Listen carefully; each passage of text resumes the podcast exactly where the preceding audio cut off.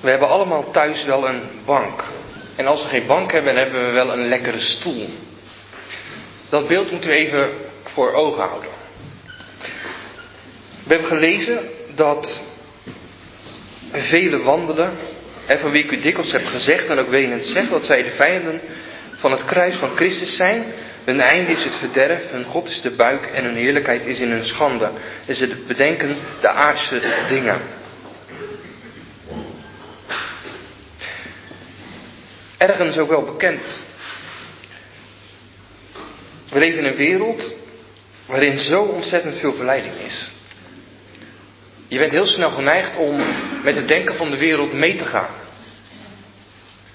Je bent heel snel geneigd om um, vol te zijn van de dingen die op de aarde zijn. Dingen waarvan we ook gehoord hebben dat ze niet per se verkeerd zijn. Maar als we daar alleen maar vol van zijn en daar alleen maar voor gaan, dan is er iets niet goed. En de vraag kan dan bovenkomen, hoe kan ik nou anders denken? En we hebben daar wel verschillende dingen over gehoord. Het aparte is dat de Filippenzenbrief, nadat er staat en ze bedenken de aardse dingen, niet direct uh, verder gaat naar Filippenzen 4, vers 8. Overigens, broeders, al wat waar, al wat eerzaam, al wat rechtvaardig, al wat rein, al wat beminnelijk, al wat welluidend is, als het enige deugd en als er enige lof is, bedenk dat.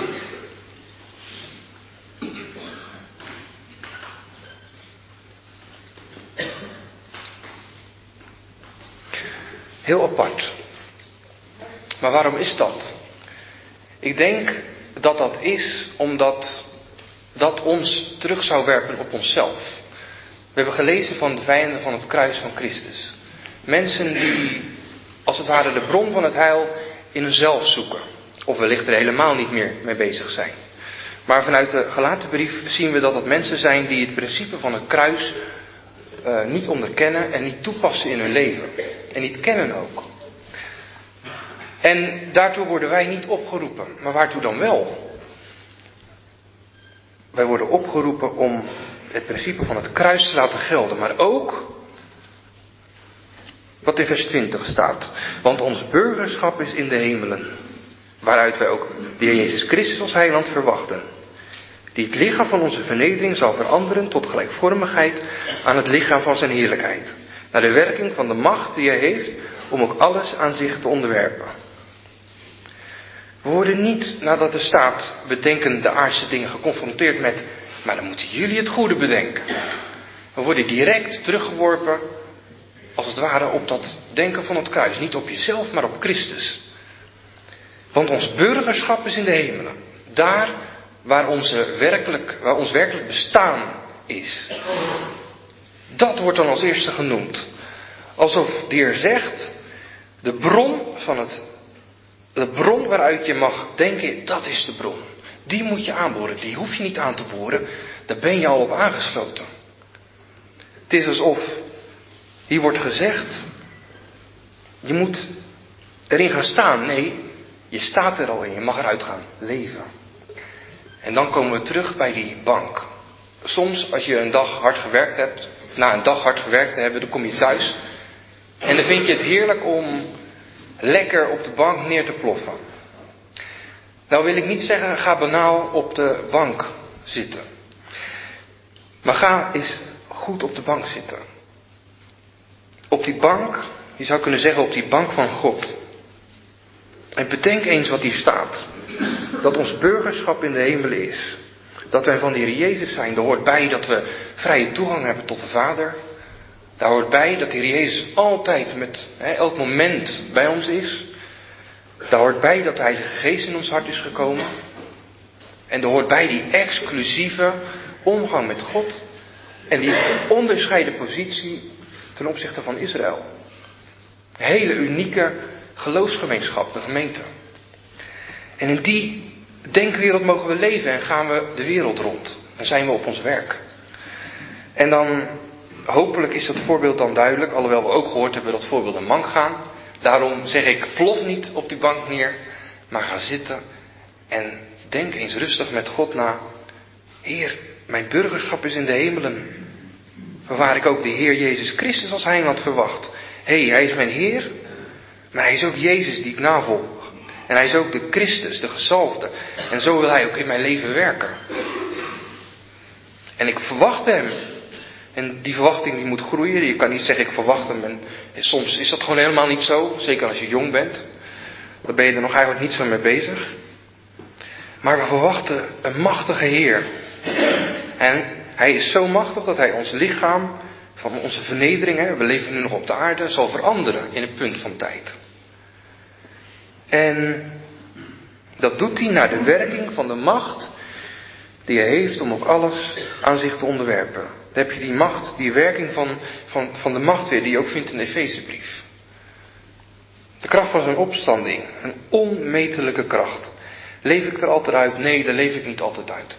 Maar we worden wel toe opgeroepen om op die bank te zitten en met Paulus te bedenken wat dat is, wat hier staat. En dan komt daaruit voort wat er staat in vers 1 van hoofdstuk 4. Daarom mijn geliefde broeders, nu wie ik ook verlang, mijn blijdschap en kroon staat zo vast in de Heer. Niet in jezelf, maar in de Heer Jezus. Paulus begint over burgerschap. En we zitten hier als hemelburgers. Maar wat betekent burgerschap nou eigenlijk voor die, uh, voor die Filippiërs? Filippiërs was een stad van pensionada's. Ze hadden gediend in het leger. En als beloning waren ze, hadden ze, konden ze een stukje land, of een huis, of een handelsonderneming doen in Filippi. Dus Filippi was een, een stad vol met gepensioneerden. En Paulus begint tegen hen over dat, over dat burgerschap, omdat ze daar iets mee konden. Dat konden ze zich voorstellen. Het waren niet Grieken. Het was een enclave van Rome, waar aparte rechten gelden. Waar de burgers niet onderworpen waren aan de, aan de Romeinse overheersing in die zin dat ze onderworpen volken waren. Nee, het waren mensen met rechten. Ze hadden, de hadden Romeinse burgerrechten, zo heb ik gelezen. En die, die Romeinen, die waren dus vrije mensen die daar leefden in een vreemde stad. We hebben veel over wandel gehad vanmiddag. En zij wandelden ook. Ze wandelden, en dat is een ander woord als wat we eerst in dat woord hebben gelezen in het vorige, in hetzelfde spoor verder wandelen. Dat betekent optrekken, heb ik begrepen. Maar hier gaat het om het, om het leven, het wandelen zelf. Hoe ga je om met je leven? En hoe leefden zij in die stad? Op dezelfde manier als in Rome.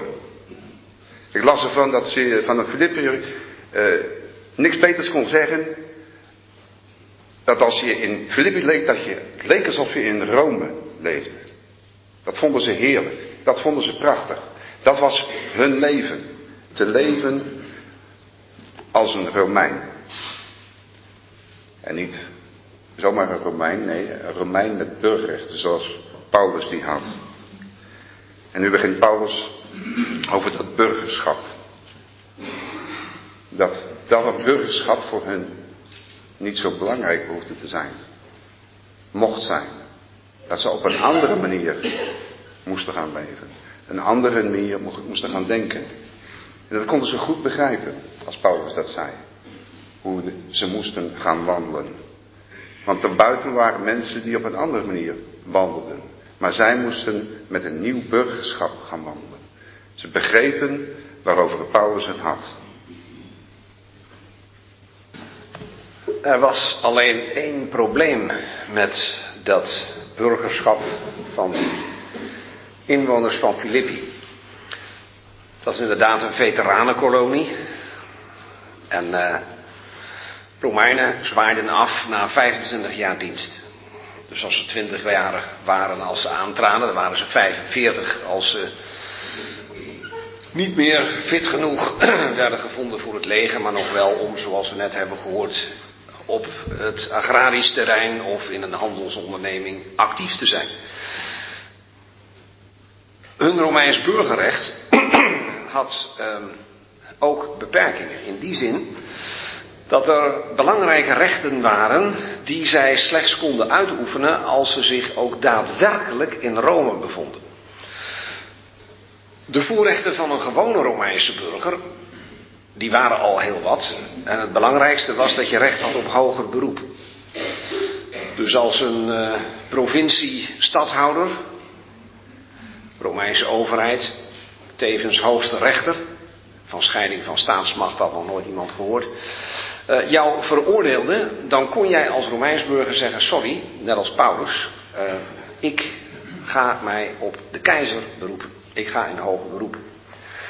Dat kon vanuit het hele Romeinse Rijk. Maar wat je niet kon doen, is deelnemen aan die activiteiten waarvoor je als burger echt in Rome moest zijn. Dat konden bepaalde stemmingen zijn, maar goed, dan gaan we te veel in details van het Romeinse staatsrecht.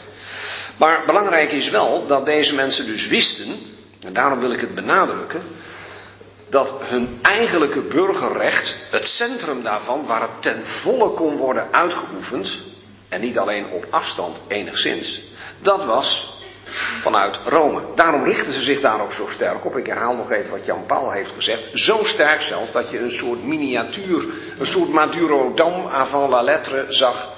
Maar dan in geestelijk opzicht, Rome werd in het klein nagespeeld. Zo zeer was men gefixeerd in het denken op Rome. En nu het beeld dat Paulus gebruikt. Ons burgerschap is in de hemelen. Oftewel, ons burgerschap dat ons nu al is toegekend, dat kunnen wij pas ten volle uitoefenen als wij in de hemel zijn. En daar zijn wij niet. Wij zijn nog op aarde. Daarom lopen we ook zo het risico om de aardse dingen te gaan bedenken. En ons daaraan ook toe beperken. Maar Paulus zegt hier, die mensen die het verkeerd doen, die bedenken de aardse dingen. En inderdaad, een broeder wiens naam mij even ontschoten is, heeft toen gezegd, dan zou je verwachten. Nu zegt hij wat we nou wel moeten bedenken. Ik vind het eigenlijk wel mooi dat Paulus laat horen wat onze werkelijke denksfeer dan is. Zonder dat hij meteen zegt wat je op grond daarvan dan moet denken.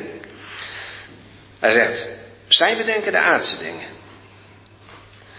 En dat is niet goed. En waarom niet? Ons burgerschap immers is in de hemelen. En daar wordt onmiddellijk mee verbonden de Heer Jezus Christus die wij als heiland verwachten. U zou kunnen denken, dat is toch allemaal heel mooi bijbels gezegd. Nieuwtestamentisch had elke apostel kunnen zeggen, Heer Jezus Christus, heiland, komt ook heel veel voor, klopt. Maar als dit gelezen wordt in de setting van het burgerschap, het Romeinse burgerschap, dan moet u ook dit, behalve wat ons zo vertrouwd voorkomt, ook proberen even een beetje anders te lezen. Wie was voor de gemiddelde Filippiër, die geen christen was, de Heer, dat was de keizer. Wie zag hij als de heiland? De keizer.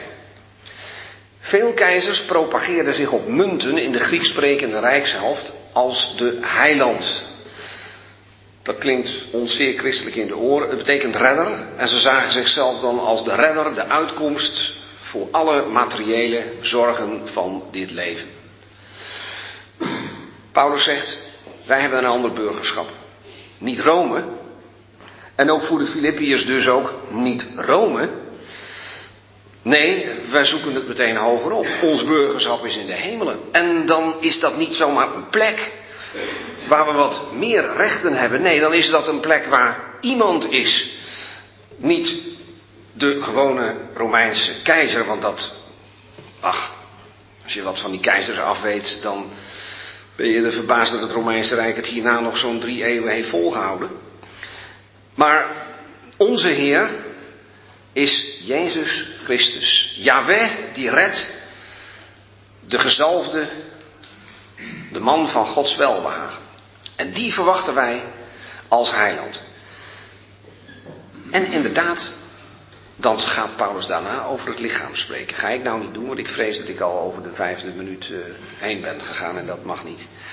Maar ik hoop dat u begrijpt wat ik wil benadrukken. Paulus legt een hele bijzondere focus op de persoon. Die is op een plek waar wij nog niet zijn. Waar wij ons naar uitstrekken, waar wij datgene wat wij nu reeds zijn, namelijk hemelburgers, waar we dat burgerschap ook ten volle zullen kunnen uitoefenen. En diezelfde persoon die daar de Allerhoogste is, is onze Heer Jezus Christus. En op deze aarde kijken we naar boven en verwachten we Hem als heiland, als degene die alles wel maakt.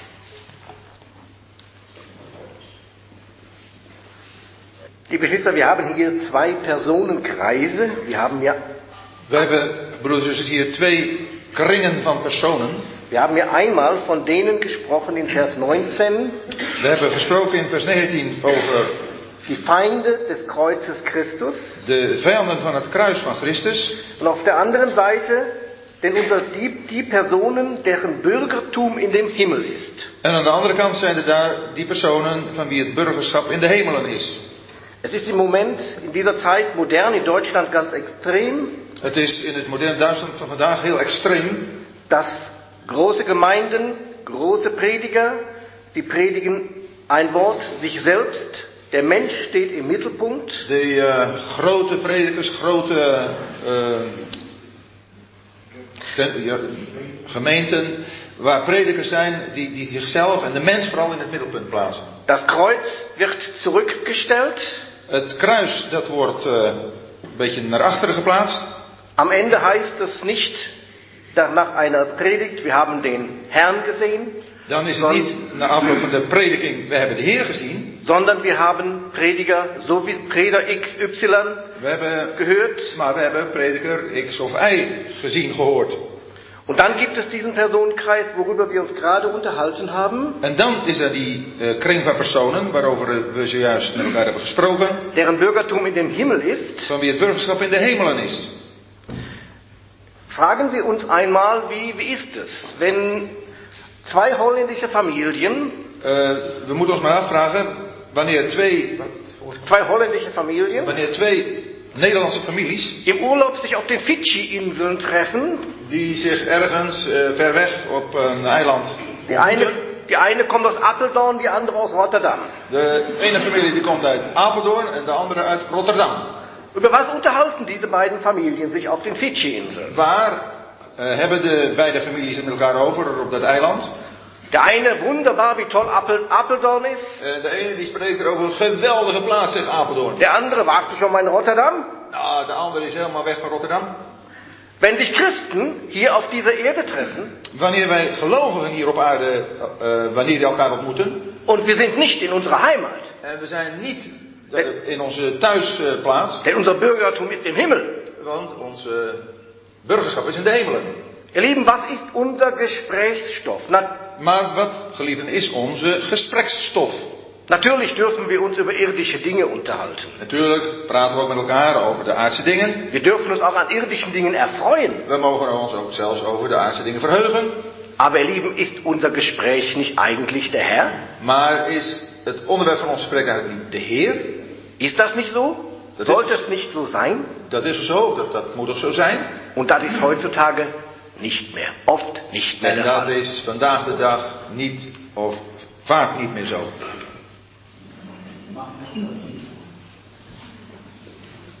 Sicher. Fünf Minuten. Dank u wel. Dann will ich nicht mitbekommen. Ah, nee, zehn. Zusammen zehn. Okay.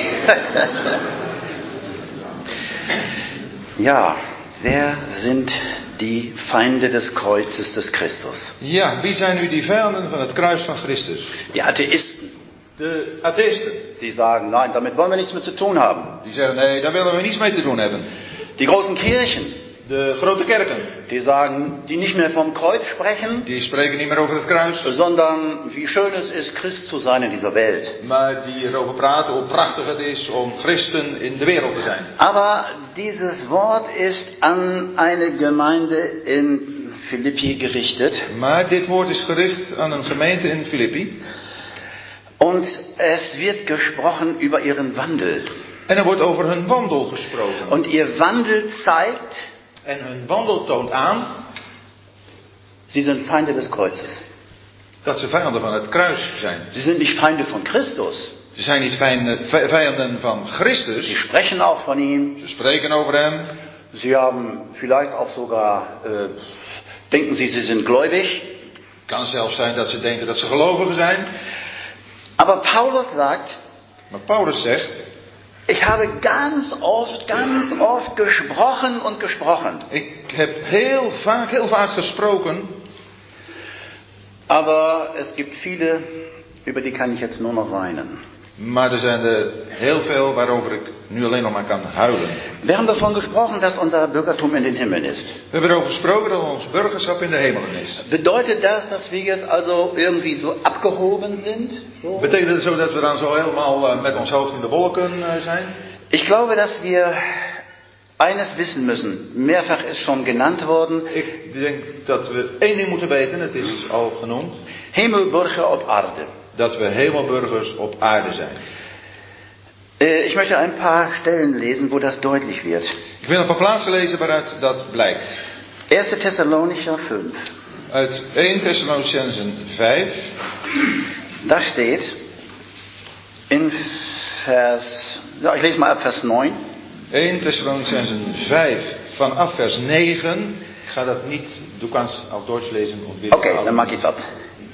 Denn Gott hat uns nicht zum Zorn gesetzt, sondern zur Erlangung der Errettung durch unseren Herrn Jesus Christus, der für uns gestorben ist, damit wir, sei es, dass wir wachen oder schlafen, zusammen mit ihm leben. Deshalb ermuntert einander und erbaut einer den anderen, wie ihr auch tut. Warum ist er gestorben? Waarom is er gestorben? Damit wir in den Himmel kommen. Opdat we in de hemel komen. Ja, das meinen wir. Ja, dat denken we. Das ist auch so. Dat is ook zo. Aber hier steht, er ist gestorben, damit wir, damit, ob wir wachen oder schlafen, mit ihm leben. Maar hier staat dat hij is voor ons gestorven, opdat wij, het zij wij waken, het zij wij slapen, samen met hem leven. Und im ersten Korintherbrief möchte ich auch noch zwei Verse dazu lesen. En daarbij nog twee versen uit 1 Corinthiërs, 1. Korinther 7, hoofdstuk 7. da geht es auch um irdische Dinge Dan gaat het ook om aardse dingen und wie wir mit irdischen Dingen umgehen. en hoe we daarmee omgaan. Vers 29 lese Vers ich mal. 29. Dies aber sage ich, Brüder und äh, Schwestern, die Zeit ist gedrängt. Im Übrigen, dass auch die, die Frauen haben sein, als hätten sie keine. Die Weinenden als Nichtweinende, die sich Freuenden als sich Nichtfreuende und die Kaufenden als Nichtbesitzende und die der Welt, die die Welt gebrauchenden, als sie nicht als Eigentum gebrauchende. Denn die Gestalt dieser Welt vergeht. Ich will aber, dass ihr ohne Sorge seid. Die der Welt gebrauchende als nicht als Eigentum gebrauchende. Dat zij die de wereld gebruiken, als hadden ze die niet in eigendom. Es geht hier auch wieder um die Gesinnung, die irdisch gesinnt werden. Het gaat hier weer om, om de gezindheid. De- Jeder von uns ist mit irdischen Dingen beschäftigt. Jeder. ieder van ons is met aardse dingen bezig. Wir haben gegessen. We hebben gegeten. Ich will auch noch aus äh, Kapitel 10 einen Vers lesen. En dan ook nog uit hoofdstuk 10, Vers 31. vers 31. Ob ihr nun esst oder trinkt oder irgendetwas tut, tut alles zur Ehre Gottes. Äh, was ist jetzt die Ausnahme davon? Wat is daar een uitzondering? Essen, trinken, das müssen wir alle, Eten, drinken, moeten we allemaal. zur Ehre Gottes. Tot eer van God. Oder irgendetwas tut. Of wat we dan ook doen. Es gibt keine Ausnahme. Er zijn geen uitzonderingen. So wie in 1. Thessalonicher auch ob wir wachen, steht, ob wir wachen oder schlafen, wir sind zusammen mit dem Herrn. Zoals er ook in 1 Thessalonicense 5 staat, hebben we gelezen. Het zijn we slapen, het zijn we waken. Het is met hem. Also, wir sind mit, man sagt es bei uns immer, mit beiden Beinen auf der Erde. Ach, bij ons ook. Auch? Ah, das ist ja interessant. Da habe ich was Neues gelernt. Aber unser Herz, unsere Maar- Gedanken Ons hart, ons denken, ist vom Herrn her. dat komt van de Heer. Äh, Es ist auch immer wieder betont worden, das stimmt auch, dass wir natürlich äh, erwarten, dass wir, dass unser Leib umgestaltet wird, dass wir beim Herrn sind. Eh, er is ook al op gewezen, is ook benadrukt dat we erop wachten dat ons lichaam veranderd wordt.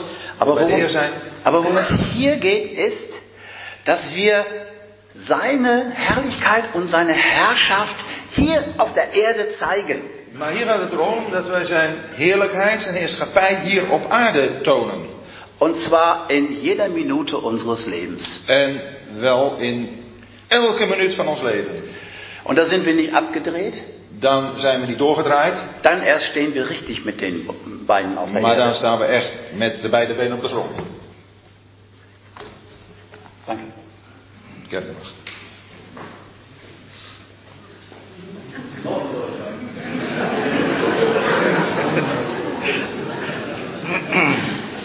Ja, noch ein Deutscher. Een broeder uit Duitsland. Ein Bruder aus Deutschland. Ein wiedergeborener Christ. Das beschäftigt mich jetzt hier bei den, den Sache, die ich mal ansprechen möchte. Das beschäftigt mich jetzt äh, bei der Sache, die ich jetzt hier ansprechen möchte. Ja, dat houdt hem zo bezig met wat we hier eh, voor ons hebben. Hier steht, mit Weinen sage, dass sie Feinde des Kreuzes Christi sind. Dat hij wenend zegt dat zij de vijanden van het kruis van Christus zijn. Paulus schreibt an den Timotheus im ersten Brief, Paulus schrijft aan Timotheus in de eerste brief, Kapitel 1, hoofdstuk 1, Vers 19 in der Mitte, vers 19 in het midden, was den Glauben betrifft, Schiff, Schiffbruch erlitten haben. dat zij aangaande het geloof schipbreuk hebben geleden. Das sind in, gewisser Weise sehr schwierige Sachen, auch für unsere jungen Leute. Zijn eh, in zekere zin moeilijke zaken, ook voor onze jonge mensen. Waren diese Leute, die Paulus hier beschreibt, wirklich, Wa- wieder, Waren deze personen die Paulus hier beschrijft, wirklich wiedergeborene Christen? waren dat wedergeboren christenen? Wir haben uns da irgendwann mal auf der Konferenz in Kevelsberg auch noch drüber unterhalten. Eh, dat is dan even voor de Duitsers, maar op Ketelsberg is erover gesproken. Ja. Und da ist die Frage, glaube ich, auch nicht ganz so deutlich beantwortet worden. En daar is de vraag ook niet helemaal duidelijk zo beantwoord. Und die Frage beschäftigt mich immer noch. En die vraag die houdt nog steeds bezig. Und ich habe auch noch kein, keine klare Antwort darauf bekommen. En hij heeft er ook nog geen duidelijk antwoord op gekregen. Der Brief an die Philippe ist an eine Gemeinde geschrieben. Und De Paulus, brief aan de Filippiërs is aan die Filippers geschreven. und Paulus schreibt über Leute, die Feinde des Kreuzes Christi sind. En Paulus spreekt hier over vijanden van het kruis van Christus. Ich denke mir, das waren Menschen, die mit dem Christentum, mit dem Glauben in Verbindung gekommen waren. Ik denk dat er mensen zijn die met het geloof, met het christendom in eh, contact zijn gekomen. Ebenso auch die in Timotheusbrief beschrieben haben, die, was den Glauben betrifft, Schiffbruch erlitten haben. Net zoals waarover we gelezen hebben in 1 Timotheus, die aangaande het geloof schipbreuk hebben geleden. Meine persönliche Überzeugung ist, Mijn, mijn persoonlijke overtuiging is dass wenn jemand wirklich wiedergeboren ist, dat wanneer iemand werkelijk wedergeboren is, das entnehmen wir aus Johannes 10, dat eh, weten we uit Johannes 10. niemand wird sie aus meiner Hand rauben, Niemand zal ze uit mijn hand roven, aber wir sind als Christen in der Lage, im Glauben Schiffbruch zu erlitten. maar we zijn als christenen in staat om aangaande het geloof schipbreuk te leiden. Wir sind als Christen in der Lage, Feinde des Kreuzes Christi zu werden. En we zijn ook als christenen eh, in staat om vijanden van het kruis van Christus te worden. Und dann stellt sich die Frage auch vielleicht für unsere jungen Leute, En dan ja, is de vraag geoorloofd, met betrekking ook door onze jonge mensen, kann so jemand verloren gehen? kan zo iemand verloren gaan? Wir lesen im ersten Korintherbrief, We lezen in de eerste brief aan de Corinthiërs,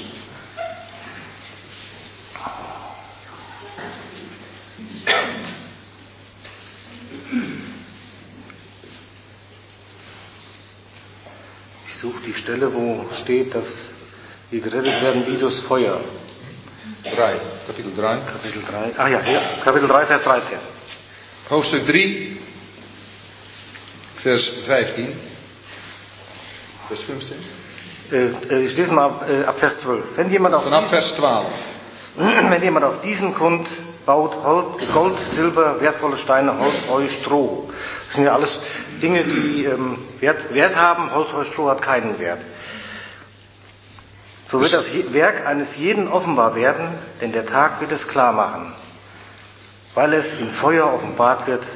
Und welcher Art Werk eines jeden ist, wird das Feuer erproben.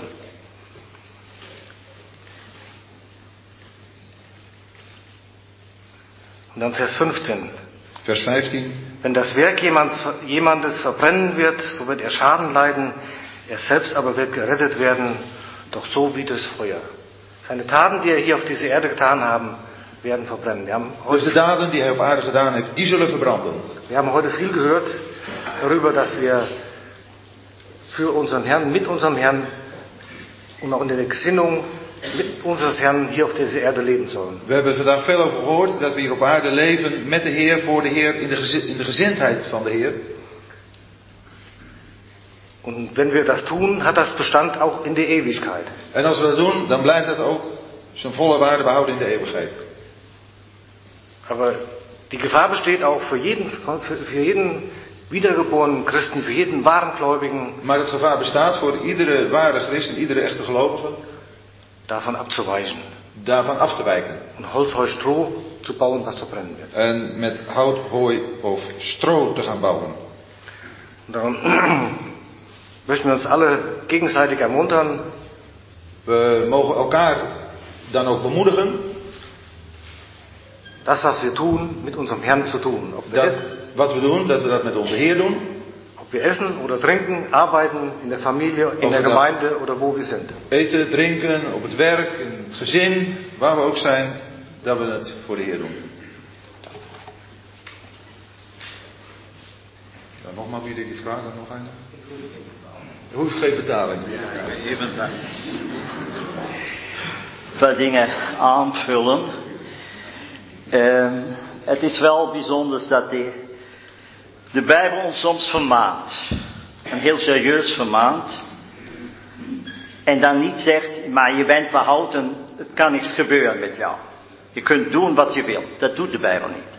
Dat is net als ik mijn kinderen zei vroeger, als de beek een beetje hoog water heeft, dan zei ik, als je hier invalt, verdrink jou. Punt. Ik heb hen niet verteld dat ik naspringen zou. Dat doe je niet. Maar hier gaat het wel om een heel serieuze, fundamentele waarheid. En het gaat, eh, ik vind soms, ja, zweven in de hemel, ja, ik wou dat we meer in de hemel zweefden. Wij zitten zo vastmuur op aarde.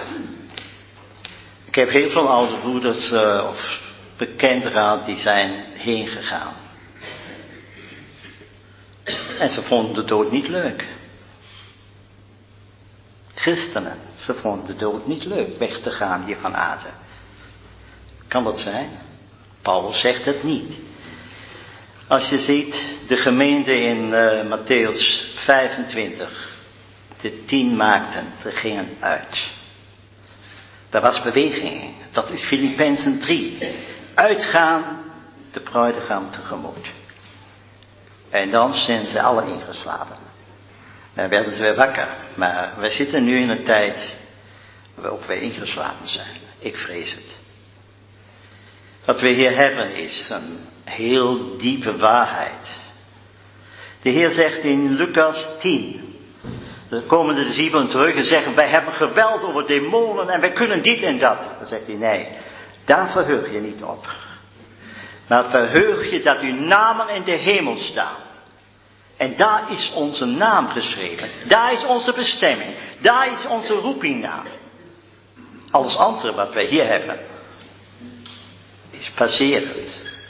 Is niet ons hoofddeel. De Heer kwam op aarde. Hij kwam tot zijn volk Israël. Om dit volk in de aardse zegeningen te leiden. Hij kwam als Messias. Met al die zegeningen om de, de, de de beloften te vervullen die hij aan Abraham gegeven had. Maar wat heeft dan Israël gedaan? Dit bevoorrechte volk. Ze hebben hem aan een kruis genageld. Ze hebben hem in een graf gelegd. En ze hebben gekozen voor Satan, die nu de God van deze wereld, van deze tijd loopt en de vorst van deze wereld is. En nu is de Heer in de hemel.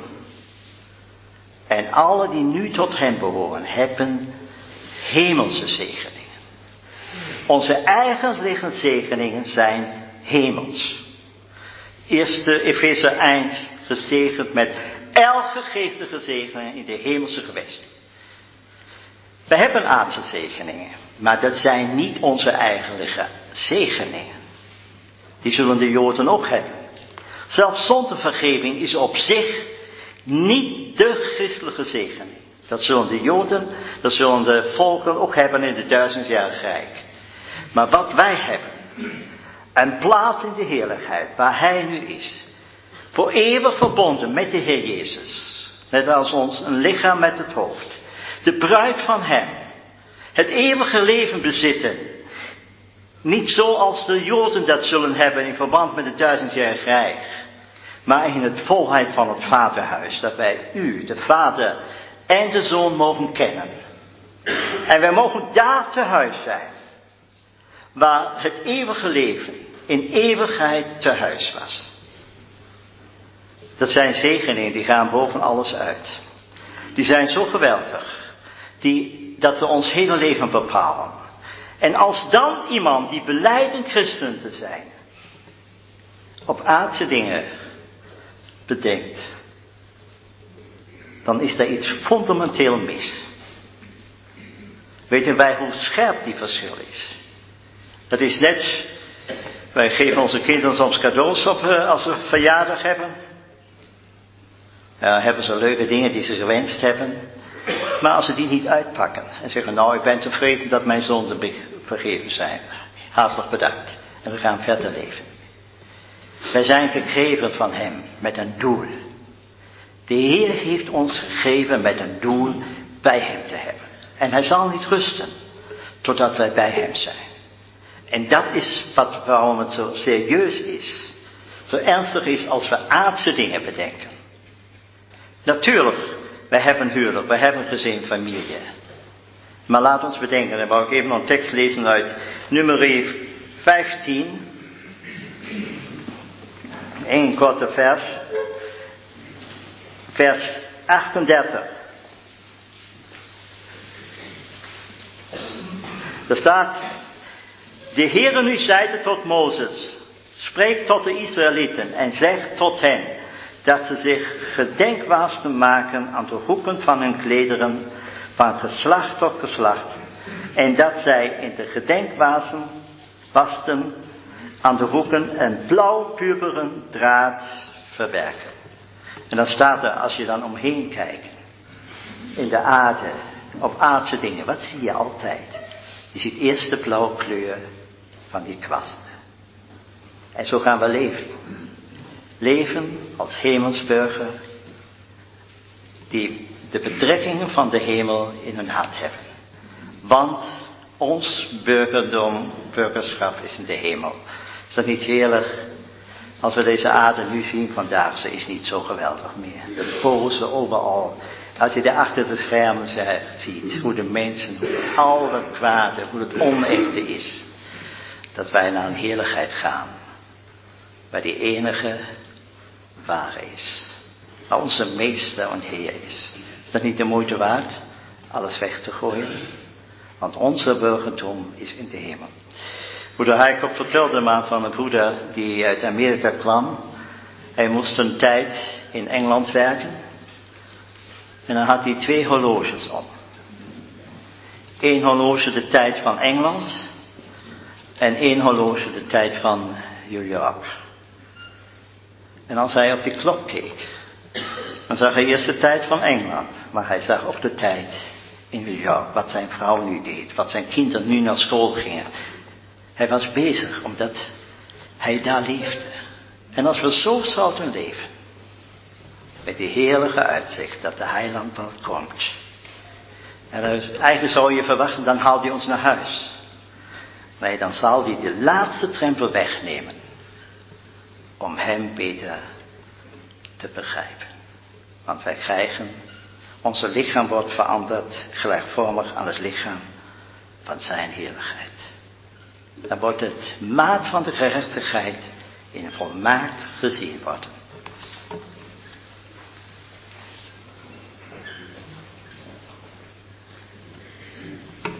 Waarom hemelsgezind? Omdat de Heer daar is. Er is geen andere reden. En ik wil even onderscheid maken tussen aards en werelds. Uiterlijk van deze wereld gaat voorbij.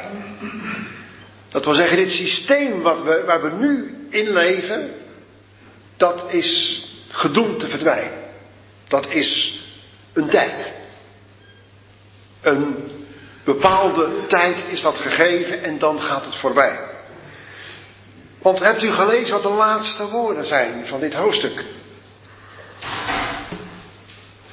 Als hij ons lichaam gaat veranderen, lichaam van onze vernedering, tot gelijkvormig aan het lichaam van zijn heerlijkheid,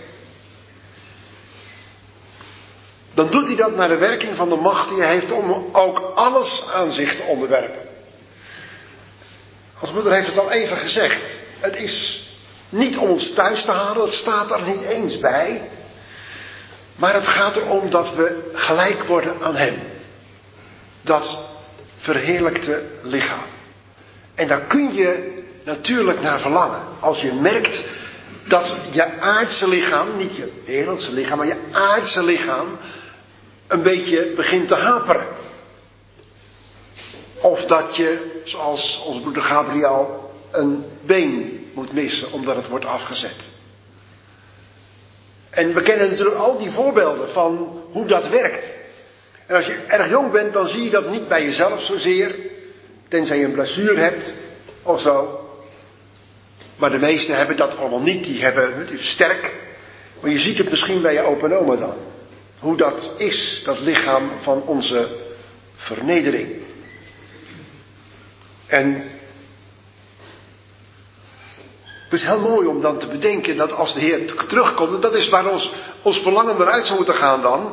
Hij is, onze burgerschap is in de hemel en wij verwachten de Heer Jezus Christus, is al even nadruk opgelegd, die is volle titel, als heiland, als redder. Want hij, hij doet dan een, gaat dan een paar dingen doen. Hij gaat het lichaam van onze vernedering veranderen. Tot gelijkvormigheid het lichaam van zijn heerlijkheid. Paulus wil natuurlijk best door die dood heen de opstanding beleven. Wat hij eigenlijk nog veel mooier vindt, wat hij in 2 Korinthe zegt, is overkleed te worden. Dat je die verandering meemaakt. Stel je nu eens voor dat straks die bazuin, die laatste bazuin klinkt. En dat we dat allemaal meemaken in één keer. Ja, de doden gaan ons voor. Maar dat die verandering vindt in een oogwenk plaats. En dan zijn we net zoals Hij is. In heerlijkheid. Als, als, wij hier in of uit moeten gaan, dan gebruiken we die deur. Of misschien die deur. Of, of die. Of daar. Maar we gebruiken een deur. We verschijnen niet zomaar. Dat deed de Heer wel. Kun je dat voorstellen hoe dat is om zomaar te verschijnen en te verdwijnen? Hoe, hoe dat precies zit, ik weet het niet. Maar het moet heel bijzonder zijn om zo'n nieuw lichaam te hebben, wat met een nieuwe schepping te maken heeft. De, de oude schepping eindigt. Het laatste wat er gemaakt wordt is de mens. Met de nieuwe mens, daar begint de nieuwe schepping mee. Met de Heer Jezus. Met zijn opstandingslichaam. Met zijn lichaam van zijn verheerlijken, van zijn heerlijkheid. Maar het eindigt daar niet mee. Het begint daarmee. Want hij, hij zegt, hij gaat alles aan zich onderwerpen. Denk maar aan Eva, aan 1 Korinthe 15, daar zien we dat ook. De Heer als eersteling, daarna die van de Heer zijn bij zijn komst, daarna het einde. Wanneer alles is onderworpen. Want we kunnen ook verlangen ernaar dat, niet zozeer dat deze aarde voorbij gaat, maar dat dit wereldbestuur, dat er een eind aan gemaakt wordt. Dat die ongerechtigheid, die onrechtvaardigheid eindelijk stopt. Dat er eindelijk een rechtvaardige regering is. Dat Hij zal regeren. Vanuit de hemel, het is het koninkrijk der hemelen. En wij met hen. Daar gaat het hier over. We gaan naar hem tegemoet. En we zijn aan hem gelijk. En we gaan met hem samen terug. En we gaan met hem regeren. En hij gaat alles aan zich onderwerpen. Het complete, complete vernieuwing komt eraan, broeders en zusters. En dan is het natuurlijk logisch om niet vast te houden aan wat je hier allemaal aan vergankelijks kunt hebben. Ik heb uh, twee minuten gekregen. De eerste minuut is over de vraag van onze broeder over in, op conferentie in Gevelsberg, dat dat nog niet beantwoord is. De vraag of dat te maken heeft met een wedergeboren christen of niet. Ik denk dat dat de vraag nooit beantwoord zal worden, omdat de Bijbel dat ook niet wil geven. Als het gaat om mensen die de vijanden van het kruis van Christus zijn, het einde is verderf, dan gaat het om de verantwoordelijkheid. En de Bijbel spreekt over zulke mensen in 1 Korinther 5, iemand die op broeder genoemd wordt. 2 Timotheus 2, de Heere kent die de zijnen zijn.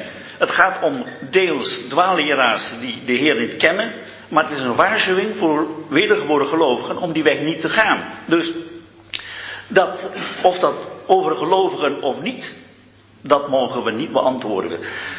Uh, tweede punt, ten, ten aanzien van het lichaam van onze vernedering. We gebruiken dat vaak voor uh, dit lichaam. En dan als je over tien jaar in de spiegel kijkt, dan zie je dat dat lichaam van onze vernedering is. Dan krijg je extra veel en probeer je er een beetje. Maar dat lukt niet.